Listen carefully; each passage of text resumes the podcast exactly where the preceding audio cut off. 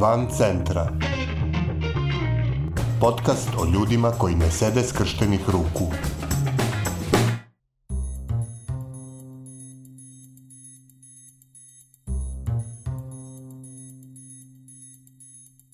Vi slušate 116. epizodu podcasta Van centra, koji prati napore ljudi iz cele Srbije da poboljšaju kvalitet života u svojim sredinama. Jedna od oblasti u kojima postoji posebna potreba za angažovanjem udruženih građana je svakako i podrška osobama sa smetnjama u razvoju. Razna udruženja koja se bave ovom vrstom aktivnosti u lokalnoj zajednici razvila su svoj dijapazon usluga koje pružaju, a jedan od posebno zanimljivih primera je udruženje na pola puta iz Pančeva. O njihovim iskustvima sa uslugom stanovanja uz podršku o tome kako integrišu razne delove lokalne zajednice u zajedničke aktivnosti i kako pritom sve to može i lepo da miriše, u ovoj epizodi razgovaramo sa Marinom Kurilj, direktorkom udruženja Na pola puta. Udruženje na pola puta osnovano je 2006. godine i zapravo osnovano je po inicijativi roditelja koji su tada za, svoje de, za svoju decu sa intelektualnim teškoćama želeli prosto bolje uslove, bolje aktivnosti i usluge koje će unaprediti njihov kvalitet života. Tada je tadašnja grupa roditelja zajedno sa ekipom e, stručnjaka, defektologa e, osmislila projekat i zapravo udruženje je nastalo iz projekta koje je 2006. realizovano. Taj projekat se zvao na pola puta i tokom e, tog projekta se grupa mladih sa intelektualnim intelektualnim teškoćama, Down sindromom, e, tokom godinu dana osamostaljivala i pripremala za samostalan život, odnosno za život u kućnim zajednicama i 2007. godine zapravo počinje da funkcioniše prva mala kućna zajednica, što je i bio cilj e, udruženja, da se dakle pruža usluga stanovanja uz podršku ko su korisnici vaših usluga e, i s kakvim se zapravo problemima susreću? Korisnici udruženja su uglavnom mlade i odrasle osobe sa intelektualnim teškoćama, autizmom, Down sindromom ili nekim drugim vidom e, intelektualnih smetnji. Takođe, e, od 2015. godine e, realizujemo i aktivnosti i usluge koje su namenjene deci sa smetnjama u razvoju. E, naime, 2015. godine smo formirali naš servis servise za ranu intervenciju i od tada pružamo defektološke tretmane. Dakle, deca, mladi i odrasli sa smetnjama u razvoju, odnosno sa intelektualnim teškoćama, autizmom i Down sindromom su naša ciljna grupa. Teškoće sa kojima se suočavaju. Kada govorimo o, o populaciji mladih i odraslih sa intelektualnim teškoćama, to je prevaskodno se odnosi najčešće na period kada završe proces obrazovanja, dakle kad izađu iz procesa obrazovanja nekako ostaju uglavnom e, socijalno izolovani, isključeni bez nekih e, kvalitetnih sadržaja koji bi mogli da im e, unaprede kvalitet života i da prosto da im omoguće da, da žive svoj život u skladu sa, sa svojim godinama i potrebama. I zapravo to je ono što, što mi želimo da kroz naše usluge i aktivnosti omogućimo da ova populacija i nakon što završi proces obrazovanja nastavi kvalitetan život, aktivno u skladu sa svojim godinama i da su svakako prisutni u zajednici. Kada je reč o najmlađem uzrastu, kada govorimo o deci sa smetnjama u razvoju, tu se vrlo često nekako roditelji e, ne nalaze najčešće na tom najranijem uzrastu adekvatnu stručnu podršku, pa smo mi onda tokom više godina rada prepoznali tu potrebu da, da prosto pomognemo i porodicama koji se tek suočavaju sa, sa činjenicom da, da njihovo dete ima možda neke e, razvojne smetnje i tu smo da pružimo e, stručnu podršku kako kroz e, različite defektološke tretmane, tako i kroz kakav god vid podrške da je toj porodici potreban. A radite li posebno i sa roditeljima? Trenutno ne, poslednjih godina ovo od kad je bila, od kad je krenula korona, pa na ovamo nismo, nismo imali organizovane aktivnosti e, koje su bile isključivo namenjene roditeljima, ali prethodnih godina jesmo, e, različite e, psihološke radionice, klub roditelja, to je fino funkcionisalo, međutim, eto, poslednjih godina, kažem nešto, od kad je bila korona nismo se time bavili, ali svakako planiramo da i to ponovo uvrstimo u naše redovne aktivnosti. Dobro, kakve sve usluge i sadržaje vaše udruženje nudi?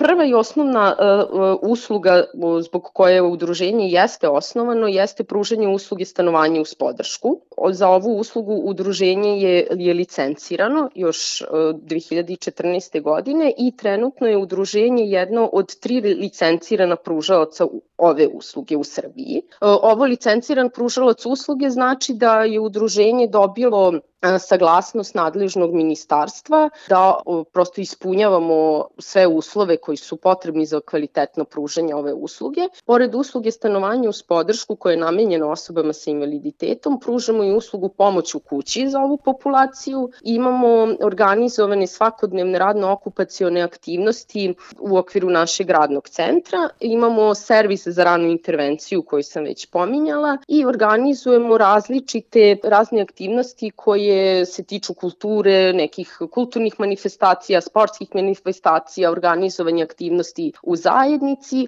I ono što je, mislim, važno napomenuti jeste da mi imamo i naš samozastupnički tim, odnosno imamo našu grupu za samozastupanje koju čine naši korisnici koji su u okviru e, ovih samozastupničkih radionica zapravo osnažuju da prepoznaju svoje potrebe i svoja prava, da ih adekvatno artikulišu i da prosto zagovaraju bilo da to bude pred roditeljima, nama saradnicima ili pred lokalnom zajednicom ili lokalnom samoupravom. E, I kako funkcioniše ta participacija korisnička? E, zapravo imali smo, imamo vrlo često situaciju da naši korisnici nekako nisu naučeni da prepoznaju svoje potrebe niti da adekvatno njima govore. Nekako smo uvek u situaciji da roditelji ili često čak i mi stručnjaci mislimo da najbolje znamo šta je za njih. Roditelji najčešće biraju šta će oni da, da rade, ne znam šta će da obuku, kako će da im budu organizovani dani i prosto to je model po kom se živi. Jel?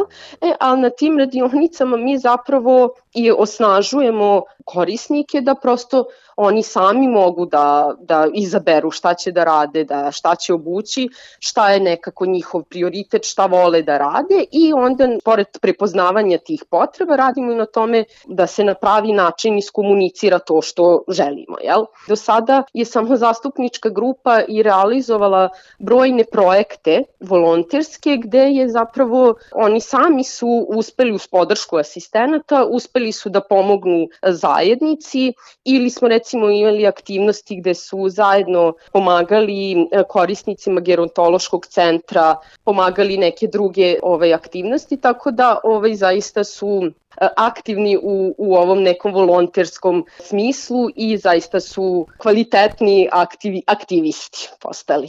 Izdvojili ste kao e, posebno značajnu uslugu koju pružate to stanovanje uz podršku. Kako to zapravo izgleda, kako je to organizovano i kome je namenjeno? Uh, usluga stanovanja uz podršku predstavlja uh, uslugu socijalne zaštite i ona je o zakonu o socijalnoj zaštiti prepoznata još 2011. godine. Uh, usluga stanovanja uz podršku za osobe sa invaliditetom, kao što i kaže, namenjena je osobama sa invaliditetom koje su punoletne E, sa druge strane, u zakonu postoji usluga stanovanja uz podršku koja je namenjena mladima koji napuštaju sistem socijalne zaštite, ali to su potpuno dva različita, dve različite usluge i način na koji se pružaju ove dve usluge potpuno je različit. Znači sad govorimo isključivo o stanovanju uz podršku koja je namenjena osobama sa invaliditetom ova usluga namenjena je ovoj populaciji dugotrajno, dakle nije vremenski ograničena i ovu uslugu korisnici mogu da, pruž, da koriste koliko god je njima to potrebno, više godina do kraja života. E, usluga predviđa pružanje podrške korisnicima koji žive e, samostalno u najčešće iznajmljenim stanovima. Kod nas su to iznajmljeni stanovi koji se nalaze u Pančevu, dakle u naseljenom mestu, nisu izolovani, nisu ono van grada ili tako nešto, nego dakle nalaze se u Pančevu e, korisnici najčešće žive njih četvoro u stanu i u zavisnosti od svojih kapaciteta i njihovih potreba pruža se podrška. Ona može da bude od nekoliko sati dnevno do 24 sata podršku pružaju asistenti i stručni tim koji su, e, čine defektolog, defektolog, koordinator uh, usluge i za svakog korisnika pravi se individualni plan usluge. Uh, usluga se pruža e, prema potrebama, uzrastu i kapacitetima korisnika. Zapravo ova usluga omogućava da, da osobe sa invaliditetom koje recimo roditelji, staratelji, braći ili sestre nemaju više mogućnosti njima da, da adekvatno brinu ili da im obezbede adekvatne uslove za život, imaju ovu opciju da ne, ne ostatak svog života završili u instituciji. Poenta je da nastave svoj život u, u otvorenoj zajednici, u zajednici u kojoj su najčešće odrasli i u zajednici koju poznaju. E, pa kako su vam dosadašnji iskustva sa stanovanjem uz podršku i e, da, da li vi u tom projektu imate podršku lokalne zajednice? E, udruženje ovu uslugu pruža dakle od samog početka, znači od 2006. godine. Podršku grada Pančeva smo dobili e, još 2009. i ona je kontinuirana evo i dan danas. E, iskustva su, su jako dobra.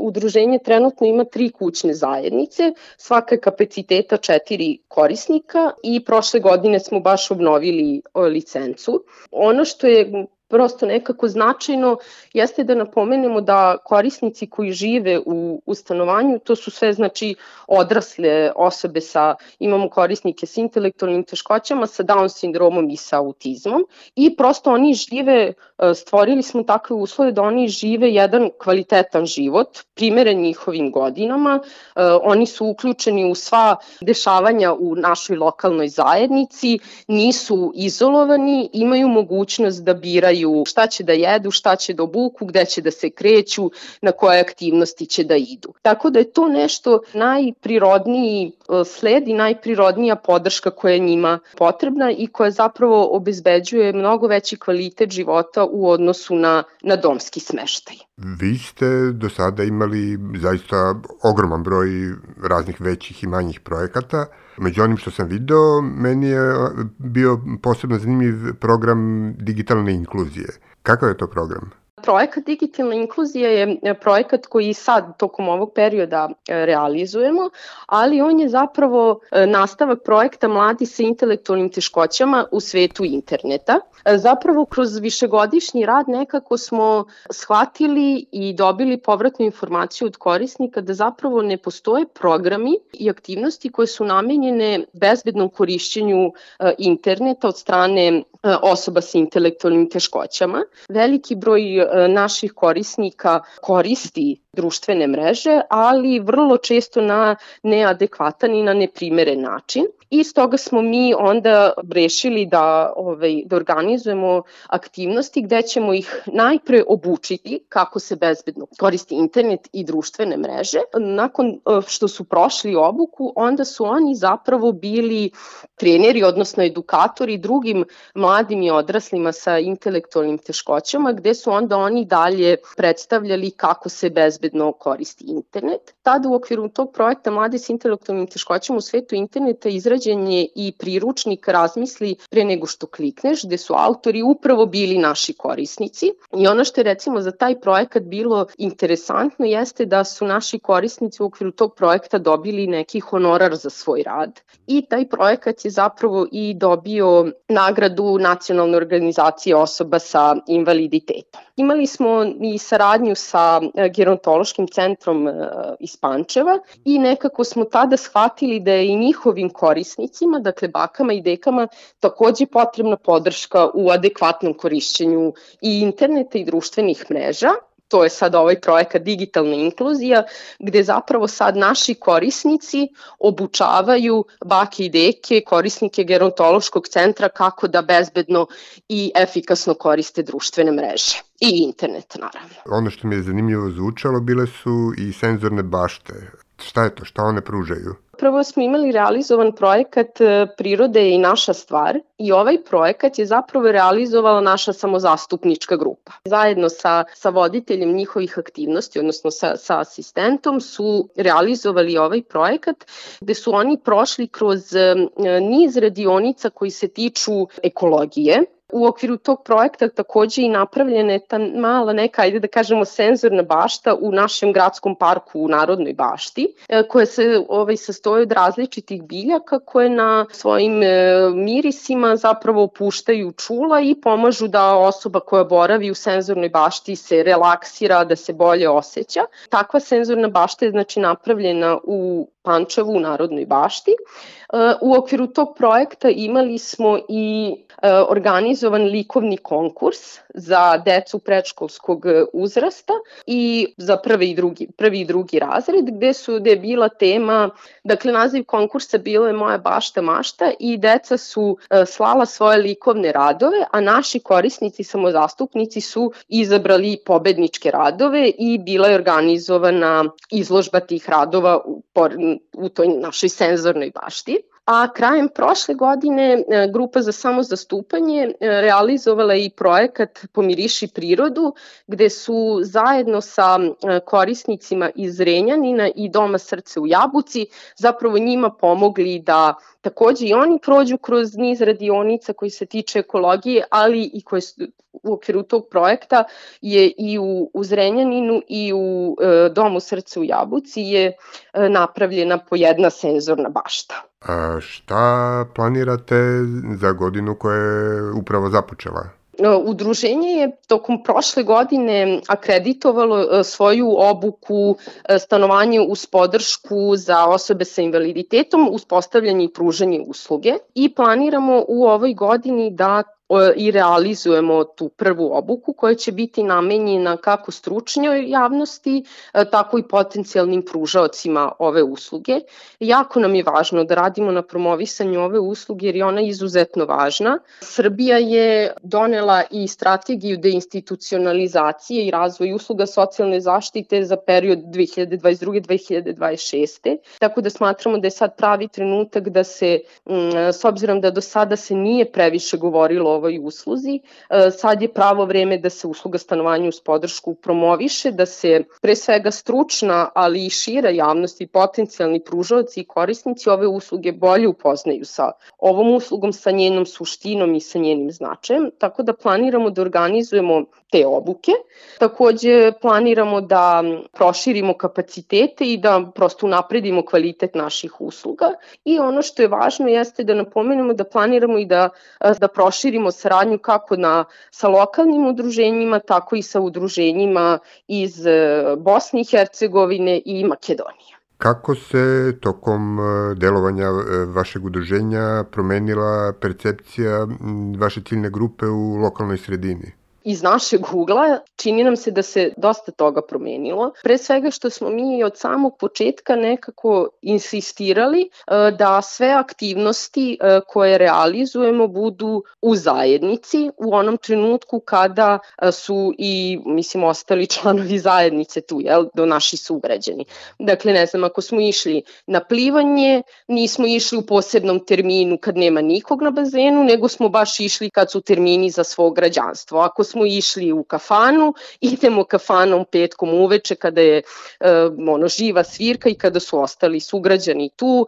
Dakle, nekako smo se od samog početka trudili da budemo uvek u nekom centru dešavanja i nismo se skrivali, nego smo naprotiv baš sve što smo radili bilo je vrlo otvoreno ka zajednici to je zapravo pomoglo da sada na veliki broj naših korisnika, naši sugrađani prepoznaju na ulici, javljaju im se e, kroz naše recimo radno-okupacione aktivnosti u okviru radnog centra gde naši korisnici izrađuju e, brojne ukrasne i upotrebne predmete, šiju cegere, tkaju šalovi i tako dalje. Vrlo, vrlo često, gotovo na svim gradskim manifestacijama smo prisutni, izlažemo naše proizvode i na taj način sugrađani prosto imaju mogućnost da vide šta su naši korisnici uradili, koliko su oni zapravo e, kreativni i spretni i koliko toga zaista mogu. E, dosta, dosta toga se promenilo i nadam se da ćemo i u narednom periodu da, da nastavimo da, da radimo na, na što boljem položaju ove populacije u Pančevu, a i šire naravno.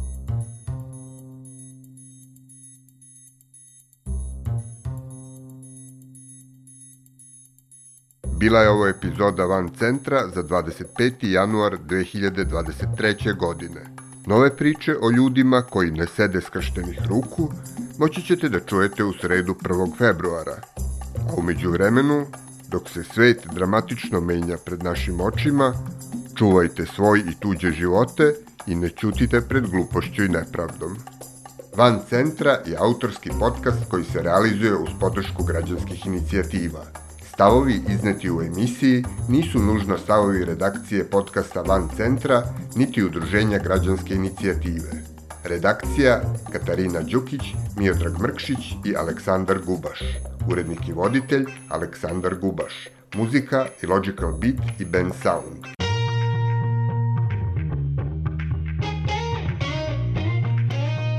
Van Centra podcast o ljudima koji ne sede skrštenih ruku.